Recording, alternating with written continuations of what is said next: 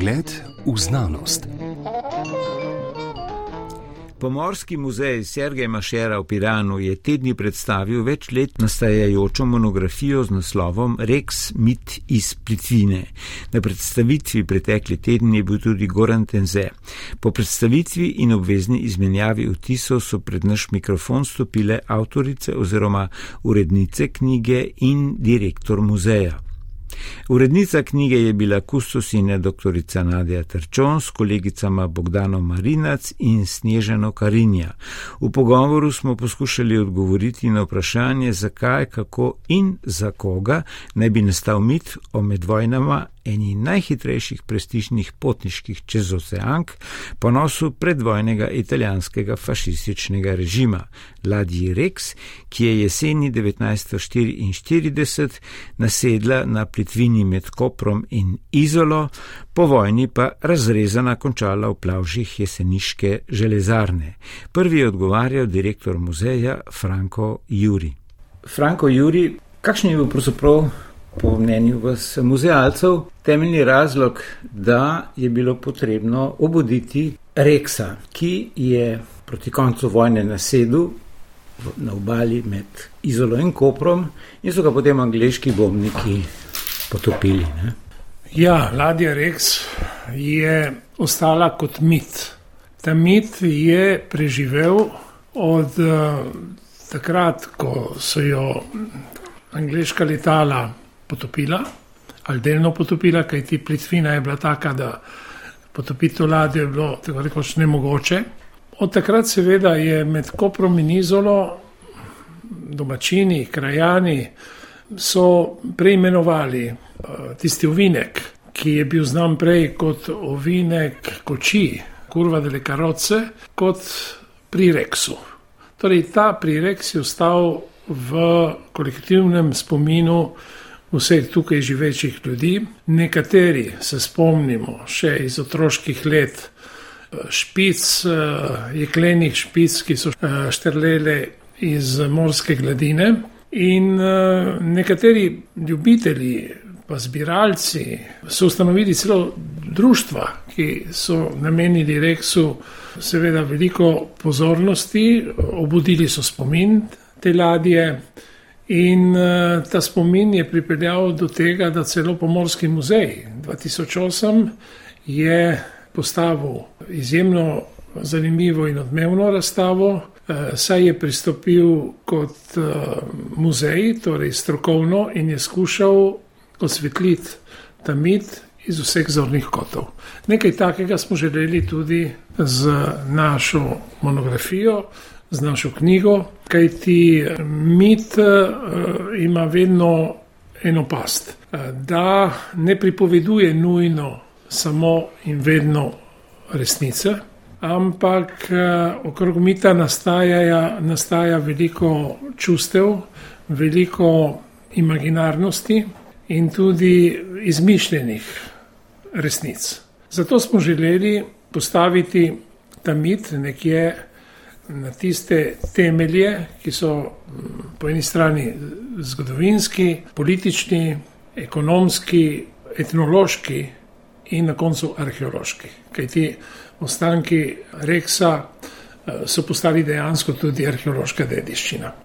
Predvsem pa smo želeli izpostaviti parabolo eh, Reksa kot nekakšno metaforo o obdobju, kjer je najprej, se je najprej uveljavil blišč tega reksa, te, tehnolož, te tehnološke in pomorske odličnosti, in na koncu pa propad, ki je sledil seveda ambicijam nekega režima, ki se je eh, seveda ponašal z reksom, govorim o fašističnem eh, režimu v Italiji in na to nasedlo na čeri vojne, kajti eh, diktatura, fašistična diktatura, seveda eh, se je militarizirala, je, je želela sodelovati pri domnevno zmagoviti eh, vojni glavnega zaveznika, torej Hitlerjeve Nemčije. In seveda Rex je postal nekakšna žrtev, ujetnik teh zgodovinskih okoliščin in kot tak je tudi propadel. Simbol propada Reksa je simbol propada vsake ideologije, ki sledi vojni kot eh, edini možni rešitvi. In v tem je tudi aktualnost sporočila, ki ga lahko razberemo v tej knjigi. Torej, v 80-letju po teh dogodkih je to mit za koga? Za italijansko ali tukajšno slovensko stran? Mislim, da ta mit uh, je bil oživljen filmsko, predvsem. V koncu 70-ih let, ja, Amarkord je zanimivo, ne, tisti prizor, ki je bil zelo umeten, zelo uh, nerealen. Ne. V studiu je bil pripravljen, uh, videlo se je, da ni pravega morja, da je vse uh, izumetničeno, ampak kljub temu tisti prizor je bil filmsko fenomenalen. Ne. In je dejansko tudi satirični pristop, seksi pristop, ki je, ki je nastal ob tistem prizoru, ne, če se spomnite teh uh, navadnih ljudi na onih uh, barkah uh, blizu obale Romanje ne, in ko je tisti slepec, ki, ki, ki, ki ne vidi Reksa in želi vedeti, kakšen je in potem je Lagradiska, tista lepa gospa, ki so jo vsi, pač ona je bila neko, neka želja vseh mladostnikov, ne, vsi so gledali ta Reks. Ne, In seveda tisti prizor je ostal tudi v spominu vseh nas, ki smo hodili v filmsko gledališče, ki smo gledali te lepe filme. Ne. To je marsikoga eh, spodbudil, da se je začel pozanimati, kaj je bil ta reks, če je Felinja intrigiral. Ne.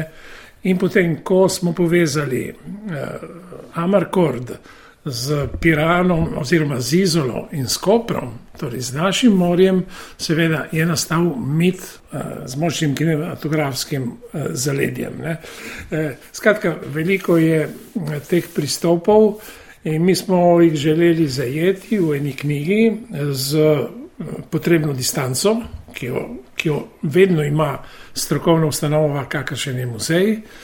Nismo želeli nasedati, tudi mi, mite, smo želeli pač obravnavati mit kot zanimiv družbeni fenomen. In mislim, da smo v tem uspeli. Ne.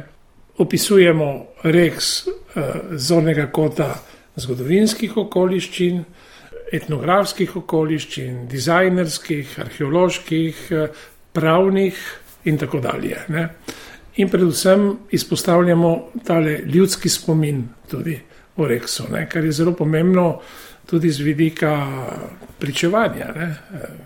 Tako da mislim, da knjiga je dosegla svoj cilj, tudi razstava je že dosegla marsikateri cilj, ampak knjiga je nadgradnja takratne razstave.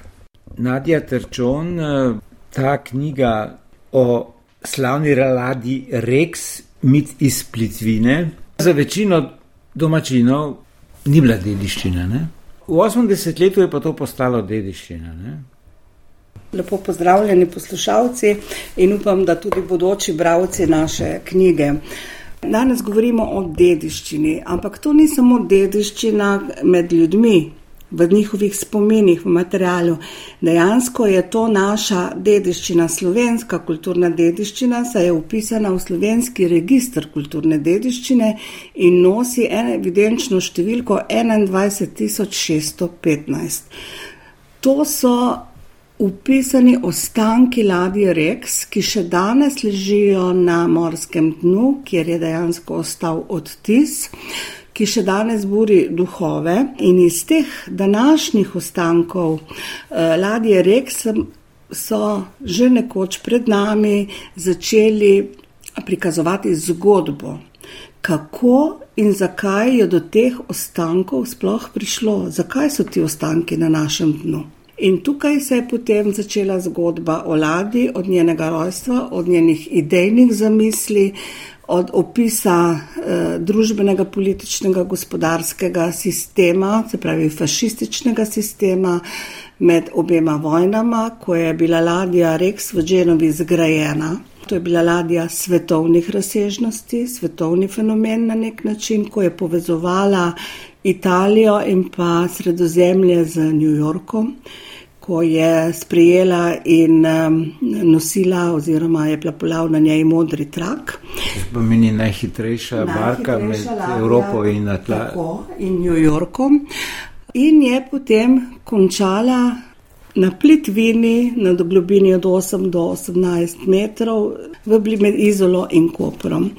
Druga svetovna vojna je bila tista, ki je povzročila, da so ladjo pripeljali leta 1940 na to področje, pravzaprav v Trst in je bila do leta 1964, pravzaprav do 5. septembra 1944, ko so bili že velike nevarnosti z, zavezniških upadov in preletov, zasidrana ob šestem pomolu oziroma privezana ob šestem pomolu v Trstu.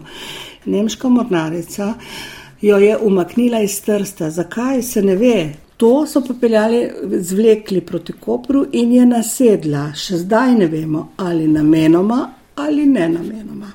In v tem majhnem zalivu, tako velika ladja, je postala tarča zavezniških letal. Tarča letal, zaveznikov, ki jim ni bilo težko zadeti, ladja je seveda bila zadeta, zdaj zgorela in je nasedla, in takrat verjetno se je začel ta, ta fenomen, ta mit, predvsem za te kraje, pa tudi za druge. Po vojni je seveda začela privabljati že prej ljudi iz tega področja, ki so odnašali redke stvari, ki so na ladje še ostale, kajti moramo poudariti, da so ladjo dobesedno izpraznili v trstu z vlakovnimi kompozicijami, material pohištvo vozili v Nemčijo. Reks je bil bombardiran eno leto po italijanski kapitulaciji, točno eno na prvo obletnico, kar mislim, da so tudi zavezniki zelo simbolično poskušali pokazati svojo moč. Prav 8. septembra 1944. Tako, tako 44. V, Nem, v Trstu so jo izropala, Nem, izropala, oplenila, odnašala, saj ne vem kaj, katera beseda je prava. Ladja je bila potem zaplenjena za jugoslovanski, kot jugoslovanski vojni plen. Ne smemo pozabiti, da je to bilo ravno na področju, kjer so se dogajale velike dogodke oziroma velike. Eh, Trst je bil presečišče tako, tako, medzavezniških konfliktov, tako, ne, med tako, vzhodom in zahodom. Tako, in zaradi tega tukaj do leta 1954 meja ni bila urejena in Reks je bil pač del te zgodbe. Uh, ampak do leta 1954, ko je to področje dokončno pripadlo Jugoslaviji, so ga pa v bistvu že razrezali za staro železo. Namreč po zaplembi uh, je morala jugoslovanska pomorska oblast ščistiti pomorske poti.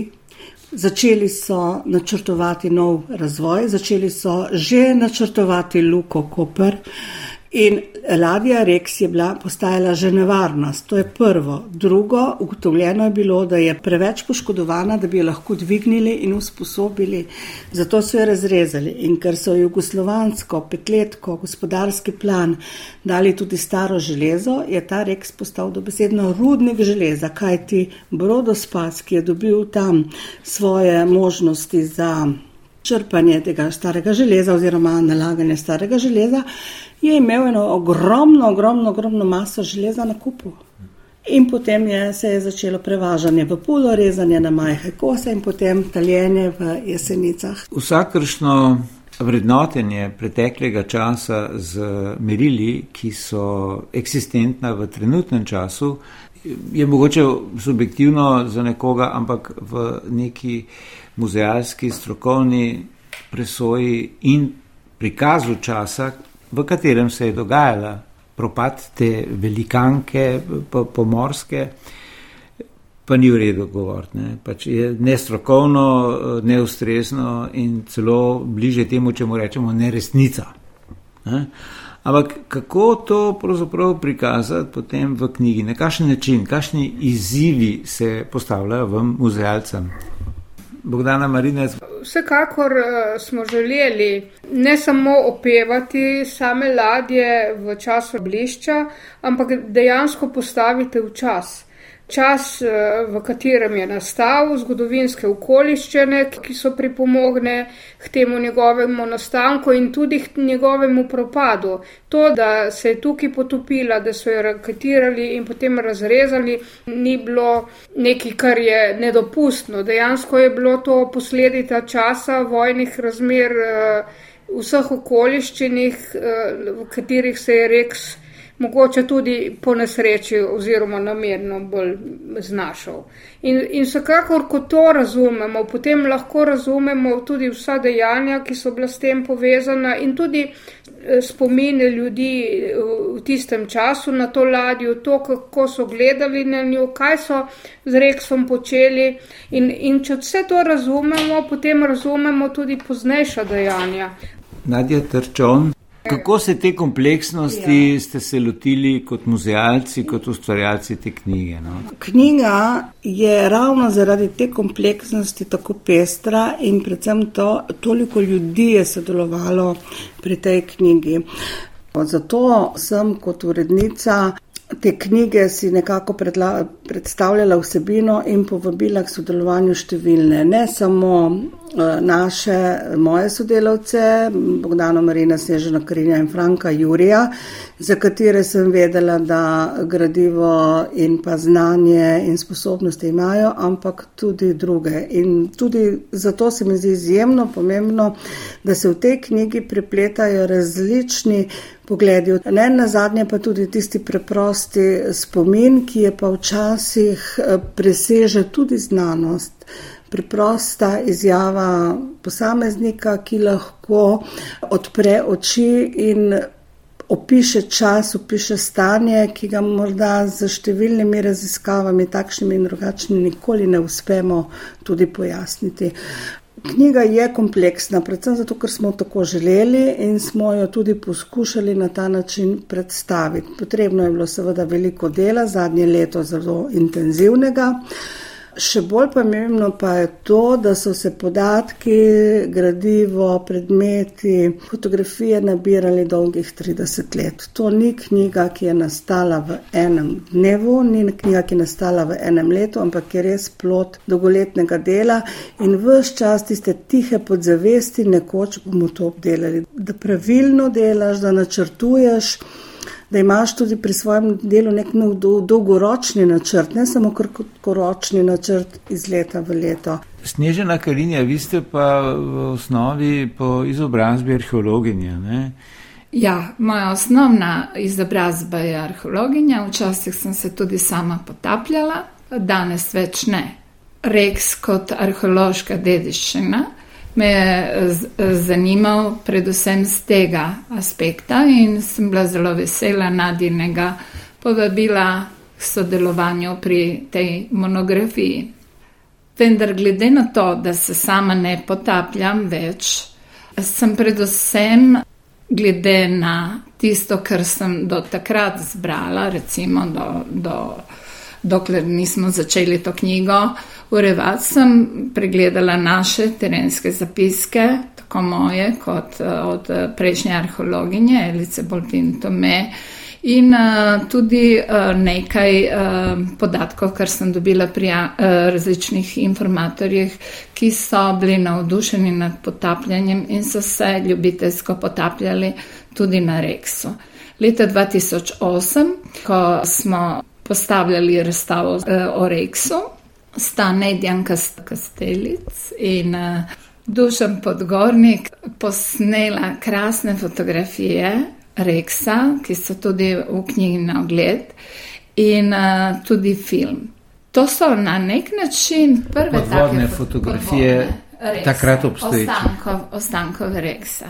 Ker ti to je tudi na nek način mit. Eni so rekli, da več ostankov ni, da je bilo vse razrezano in odpeljano, drugi so pa govorili o tem, kako je marsikaj na morskem dnu, kako so celo vijaki, celo v nekem uh, skritem židovskem zakladu. Tako da v bistvu najprej sem se lotila tega dela o tem, kaj naj bi bilo še na morskem dnu, kakšen je odnos potapljačev do arheološke dediščine in nasploh. kako posamezniki gledajo na ostanke Reksa. Druga stvar, glede na to, da delam v muzeju, seveda sem tudi muzealka in uh, me zanimajo predmeti. Sem skupaj z kolegicami, tako z Nadijo Trčon in uh, Bogdanom Marinac, smo si te predmete, ki jih hrani muzej in posamezniki, smo jih dejansko dokumentirali, zelo dobro pregledali. In na to v bistvu iz vsega tega eh, pride samo kakšna črtica o tem ali pa vrstica, kakšni so to predmeti. In v bistvu, ko podrobno raziščete le ta en predmet, ne govorim zdaj ne o razglednicah, ne o, o različnih prospektih, lahko ugotovite marsikatero podrobnost, ki se nanaša, iz katere kabine, kakšne so, po, pregledali smo pa seveda tudi fotografsko gradivo in ugotovili, da dejansko ogledala so bila podobna, ampak prav resnično tako nismo našli. Mm -hmm. Eh, hvala. No, zdaj, pred koncem ste podali lepo izhodišče, ne, torej prispodoba ogledala, ne, ki, če ga razbijamo, se razleti na nešteto koščko, ne, ki so potem razprostranjeni po bližnjem ali daljnem prostoru, tako kot spomin na takšne dogodke. Ne. To je ne mara en največjih izzivov Nadja Terčon, kako te spomine nekako ovrednotiti, jih zbrati, vključevati, kot so sodobna načela ikoma, a ne med drugim. Kaj pa izločiti, če sploh kaj in na kakšen način? Skratka, težka naloga. Za novo knjigo. Zelo težka, zelo težka, ampak ta prispodoba, na katero ste zdaj upozorili, lahko rečemo, ja, Reksi ogledalo in to razbito ogledalo smo v to knjigo sestavili. Verjetno nikoli, nikoli več ne bo takšno, kot je bilo v prvotnem stanju, verjetno veliko koščkov manjka, ampak neka osnova, neko grobo, grobo gledalo se je pa postavilo nazaj.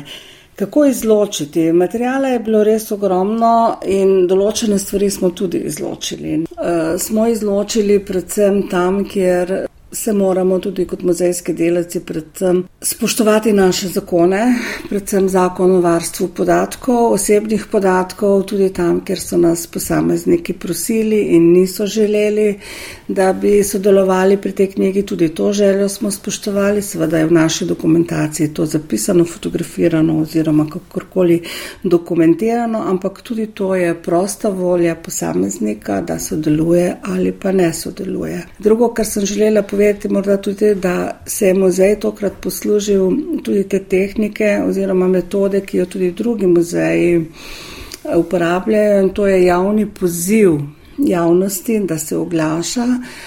Eh, mi smo dobili nekaj odzivov, ampak moram reči, da sem bila osebno skoraj da nekoliko razočarana, kljub temu, da sem imela veliko dela s tem, kajti v javnosti med prostim pogovorom, med uh, klepetom, imaš občutek, da je skoraj da v vsaki hiši predmet iz reksa. Ko pa smo to želeli združiti, se povezati, to ogledalo, te koščke zbrati, je bilo pa teh koščkov zelo malo. Ogledalo v izvorni obliki je težko spraviti nazaj. Ne? To gledalo reksa nikoli več, ampak že to, da je zbrano v knjigi, je izjemen dosežek. Mm. Kaj ti, ko smo 2008 postavljali razstavo in je bila izjemno lepo obiskana in odzivna in predvsem je bilo izbrano veliko, veliko predmetov na mednarodni ravni smo ravnali, ne samo iz Slovenije, temveč iz Italije in Hrvaške, je bilo treba podreti in deponirati. Medtem ko knjiga, saj naše stališče je to knjiga pa vse obstaja knjiga, verjetno eh, bo veliko zanimanje, pričakujemo veliko zanimanje, vendar se bo ohranila, če ne druge, v knjižnicah, pa na knjižnih policih vseh ljubiteljev in pa vseh tistih, ki jih zanima zgodovina. Na tis seveda ostane. Ne? Ne dodam pred koncem, da gre za prvo v slovenščini napisano monografijo oziroma pač eh, to knjigo o slavni nekoč ladji Rex mitu iz Plitvine med Koprom in Izolo. Vsem trem Nadja Trčon, Bogdana Marinec, Snežena Karinja in Franko Juri se zahvaljujem za te vaše misli. Ta pogovor pa sem posnel Goran Tenze.